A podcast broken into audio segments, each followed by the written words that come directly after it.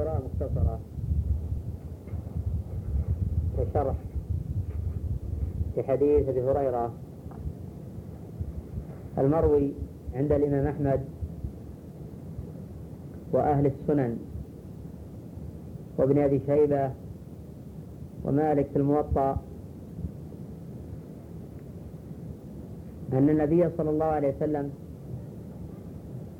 أتى إليه رجل فقال يا رسول الله إنا نركب البحر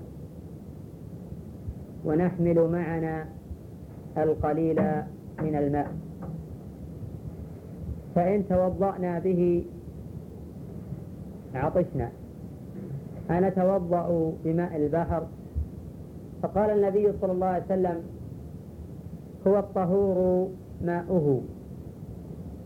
والحل ميتته. وهذا الحديث صحيح. صححه أبو عيسى الترمذي رحمه الله وابن خزيمة وابن حبان وجماعة من أهل العلم. وقد ذكر الإمام ابن عبد البر رحمه الله تعالى في التمهيد أن هذا الخبر تغني شهرته وصحته عن إسناده. وهذا الخبر جم المعاني كثير الفوائد. سئل رسول الله صلى الله عليه وسلم عن ماء البحر. فأجاب السائل عما سأل وزاده فائدة على سؤاله لعلمه. بحاجة السائل إلى هذه الزيادة.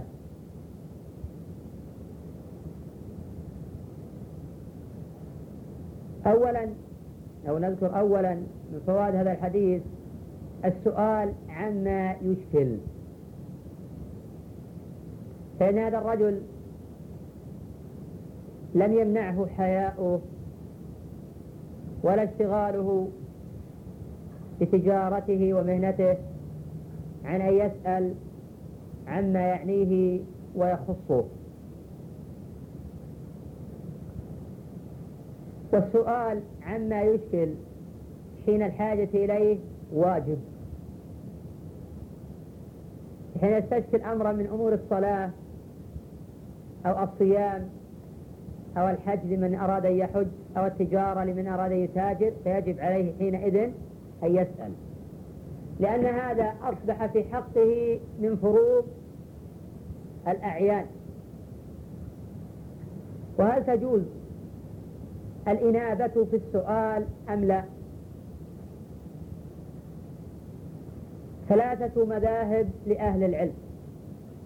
المذهب الأول الجواز. المذهب الثاني المنع مطلقا.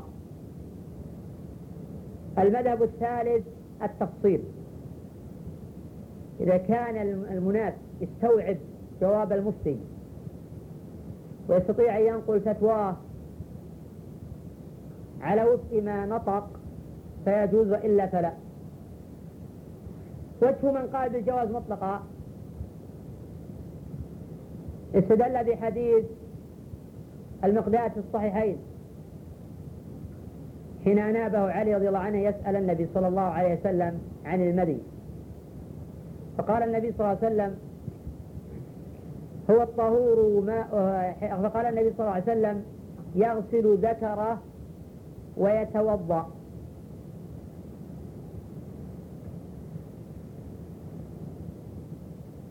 ووجه من قال بالمنع مطلقا أن المناف قد يحرف الفتوى وقد يأتي بها على غير وجهها. فيحصل في ذلك ضرر.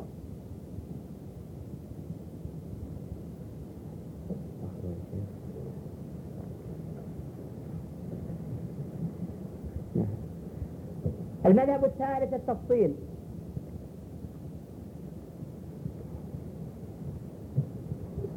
وأنه يجوز إذا كان يضبط نقل الفتوى ويتقن صياغتها وأداءها للمستفتي على الوجه المطلوب. ويمتنع فيما عدا ذلك. فإن بعض الناس يوصي غيره بأن يسأل سيكون في السؤال مداخلات. وحينئذ لا يستوعب هذه المداخلات ولا يستطيع ضبطها. ثم ينقل الفتوى على ما ضبط والذي لا يضبط يتركه كأنه لا يعنيه. وقد يكون هذا القيد المتروك أساسيا في نقل الفتوى فحين يخطئ في النقل.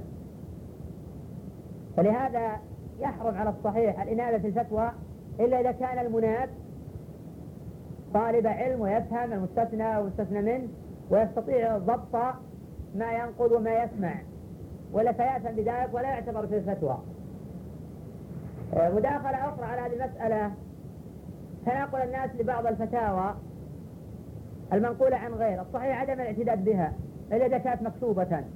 أو منقولة من عالم آه، حافظ ومتقن. لما يترتب على النقل من الخطأ في النقل والغلط في ذلك. وأما استدلال من أجاز النقل المطلقة بحديث المقداد حين سأل النبي صلى الله عليه وسلم عن المدي والسؤال لعلي فيقال أين الثرى من الثريا مقداد عالم. وأحد أصحاب رسول الله صلى الله عليه وسلم.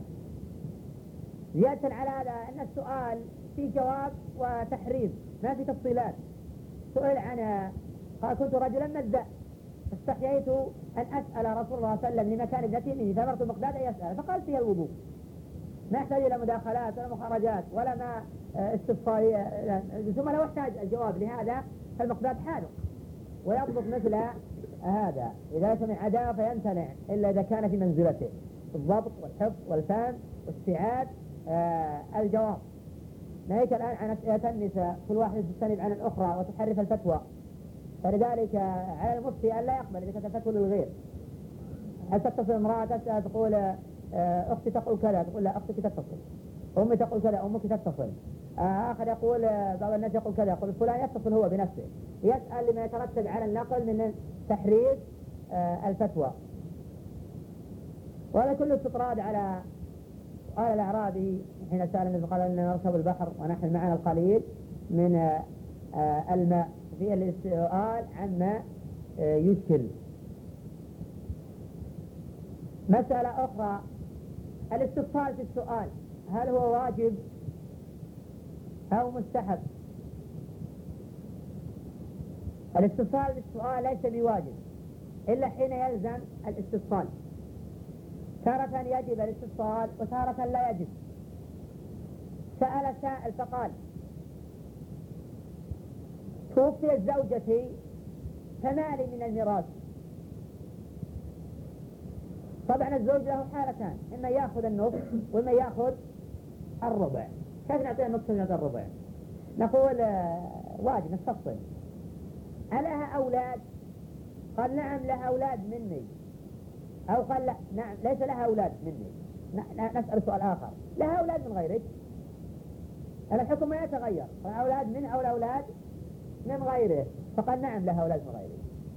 فالذي يسأل أولاد منك يقول له ما له أولاد مني؟ طيب من غيرك. فضروري أن تسأله. لكن لو لم تفصل منه هذا الاستفصال لأعطيته النصف ولا يستحق النصف يستحق الربع. إذا هذا الاستفصال واجب. دليل هذا الإجابة حديث ثابت بن الضحاك إن نذر رجل ينحر إبلا في بوانة فسأل النبي صلى الله عليه وسلم فاستفصل النبي صلى الله عليه وسلم. هل كان فيها وثن من أوثان الجاهلية يعبد؟ قالوا لا. قال هل كان فيها عيد من أعيادهم؟ قالوا لا. قال أوفي بنذرك فإنه لا وفاء لنذر في معصية الله ولا فيما لا يملك ابن آدم. فاستفصل النبي صلى الله عليه وسلم. والاستفصال في هذا المقام واجب. الاستفصال في هذا المقام واجب. النوع الثاني لا يجب ولا يترتب عليه حكم. جاء شخص يستفصل وقال توفيت أختي ولها أب وأم وأولاد. ليس من لوازم تقول لها أخوة. لا وجه لقولك لها إخوة. لماذا نصلح بالأخوة؟ وجودهم كعدمهم محجوبون بالأب ومحجوبون بالأولاد. إذا هذا السؤال لغو من القول. فلا وجه لكم تستفصل لها أخوة المستفصل حين يسأل لا يستفصل إلا ما هو من خصائص الفتوى. أو فيما يتغير به الحكم الشرعي من إيجاب أو تحريم شرط أو منع. إيجاب أو منع. وغير ذلك من الأشياء اللازمة من لوازم آه، الفتية. هذا السائل يقول للنبي صلى الله عليه وسلم إن نركب البحر. فلم ينكر عليه النبي صلى الله عليه وسلم ركوب البحر. ففي هذا دليل على جواز ركوب البحر مطلقا. والآثار المروية لا يركب البحر إلا حاج أو معتمر كلها منكرة وموضوعة. فيجوز ركوب البحر مطلقا. حاجا أو معتمرا تجارة نزهة أو غيرها. ولكن بعض الفقهاء يمنع من ركوب البحر حين الهيجان لئلا يعرض نفسه آه، للخطر. فحين يهج البحر يمتنع المرء من ركوبه لما يترتب على ركوبه حينئذ من تعرض النفس للخطر فحينئذ لا يركب. قال إن نركب البحر ونحمل معنا القليل من الماء فإن توضأنا به عطشنا لأن لا يستطيعون آه، الشرب من ماء البحر لأنه مالح. وإن آه، نتوضأ بماء البحر بحيث نستبقي هذا الماء لحاجاتنا في الشرب ونحو ذلك. فقال هو الطهور ما يحل ميتته في فوائد أخرى أيضا. من هذه الفوائد أن وسلم لم يأمره باستصحاب أكبر كمية من الماء. لم يأمره باستصحاب أكبر كمية من الماء. ولم ينكر عليه قوله ونحمل معنا القليل من الماء. ومن الفوائد أيضا أن ماء البحر طهور مطهر. لقوله صلى الله عليه وسلم هو الطهور ماؤه. هو مبتدأ والطهور مبتدأ ثاني. ماؤه خبر عن المبتدأ الثاني. والمبتدأ الثاني وخبره خبر للمبتدأ الأول. هو الطهور ماؤه. ففي هذا دليل أن الماء إذا تغير بالطاهرات لا يسلبه الطهورية ولا يمنع من التطهر به. فالماء إذا تغير بالطاهرات بالطحلب. أو بالأتربة أو بالأصباغ أو بغيرها فيبقى طاهرا مطهرا لأن ماء البحر متغير برائحة الأسماك ومتغير بطعمه بالملوحة. ومع هذا قال صلى الله عليه وسلم؟ هو الطهور ماءه الحل ميتته. وما يرد في كتب الفقهاء من تقسيم المياه إلى ثلاثة طهور وطاهر غير مطهر ونجس. هذا التقسيم لا أصل له ولا دليل عليه. فالصحيح أن الماء قسمان طهور ونجس. طهور مطهر أو نجس لا يطهر. أما إثبات ماء ونسميه ماء ويبقى أنه طاهر في نفسه ولا يطهر غيره ولا يرفع حدث المسلم هذا غير صحيح. ما دام يحمل اسم الماء فيبقى طاهرا مطهرا ما لم يكن نجسا. إذا تغير الماء عن مسماه كاللبن والمرق ونحو ذلك تغير عن مسماه فحينئذ لا يطهر. لماذا؟ لأنه لا يسمى ماء. لكن لو بقي معه وصف الماء ولو كان مقيدا كأن نقول ماء الورد.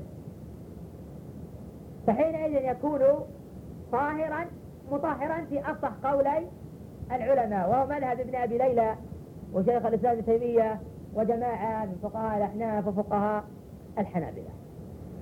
فالمياه قسمان وهو أحد القولين عن الإمام أحمد وهو مذهب أبي حنيفة واختيار شيخ الإسلام وابن القيم وجماعة من الأئمة طهور ونجس قسم ثالث طهور ماء طهور غير مطهر هذا لا أصل له. فما دام يحمل اسم الماء فهو طاهر مطهر فلهذا قال صلى الله عليه وسلم للرجل الذي يركب البحر هو الطهور ماءه الحل ميتته الماء. إذا لاقى مكانا طاهرا من بدن أو أرض أو غير ذلك فإنه يبقى طاهرا. إذا طهرنا بالماء ثوبا طاهرا نطهر به ثوبا آخر وثالثا ورابعا وعاشرا. ويجوز الوضوء به حينئذ ما دام يحمل اسم الماء. ما دام يحمل اسم الماء. لكن إذا لاقى الماء الماء مكانا نجسا. ما الحكم؟ في تفصيل. فليس كل ماء يلاقي مكانا نجسا يكون نجسا إذا لاقى الماء مكانا نجسا هذا البقعة نجسة أردت عليها الماء؟ ثم تلقيتها في المكان الآخر وأخذتها ما حكم هذا الماء الذي تلقيته؟ هذا الماء يفصل فيه. إن تغيرت أحد أوصافه اللون والرائحة والطعم بالنجاسة فهو نجس. وإن لم يتغير لا لونه ولا طعمه ولا رائحته فهو طاهر وإن لاقى مكانا نجسا. حديث أبي سعيد عند أهل السنن بسند صحيح.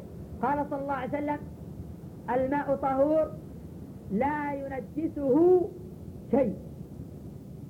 الماء طهور لا ينجسه شيء. في حديث أبي أمامة إلا أن تغير طعمه أو لونه أو رائحته. وهذه الزياده ضعيفة في اجماع المحدثين. جاءت من طريق رشدين بن سعد وهو ضعيف. ولكن العمل على هذه الزيادة عند أهل العلم. ذكر ذلك الإمام الشافعي وبعده البيهقي وغيرهما من أهل العلم. وحكاه غير واحد إجماعا. وفي هذا الإجماع نظر.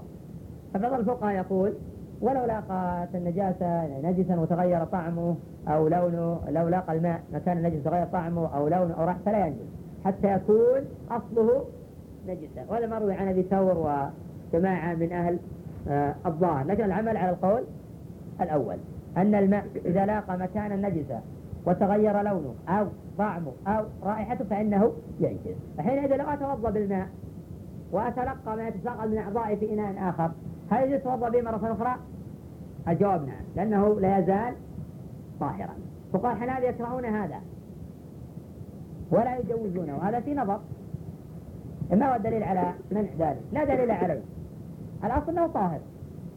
ويبقى طاهرا مطهرا ما لم يتغير لونه أو طعمه أو رائحته بالنجاسة. إذا اشتبع عليه مسألة. إذا اشتبع علي الماء لا أدري هذا الماء. أهو طاهر أم نجس؟ ما الحكم؟ الأصل الطهارة. ثم أيضا قد لا يشتبه لأن الماء قد يتغير لونه وطعمه ورائحته بالنجاسة إنما يشتبه عند من قال فإنه إذا استعمل طهارة يستعمل طهارة أخرى والماء إذا لاقى نجاسة تنجس ولم يتغير طعمه ولا لونه ولا رائحته. إن قال قائل قد أعلم أن أحدهما نجس مئة بالمئة وأن أحدهما طاهر واختلط عليه. نقول حينئذ تذهب إلى التحري تذهب إلى كما لو كان عندك ثياب بعضها طاهر وبعضها نجس ماذا أصنع؟ أتحرى وقال حنان يقول يصلي بكل ثوب صلاة والصحيح أنه يتحرى لا يكلف الله نفسا إلا وسعها. فيرجع حينئذ إلى التحري. قوله صلى الله عليه وسلم الحل ميتته. السائل لم يسأل عن ميتة البحر وإنما سأل عن ماء البحر. ولكن علم النبي صلى الله عليه وسلم حاجته إلى هذه الفائدة فزاده على سؤاله. ففي زيادة السائل عام على ما سأل إذا علم أنه يحتاج لزيادة لذلك ففي زيادة المفتي السائل على ما سأل إذا علم أنه يحتاج لهذه الفتوى. امرأة تسأل تقول ما حكم الطهارة؟ الطواف في البيت نقول الطهارة, من الحدث الأكبر شرط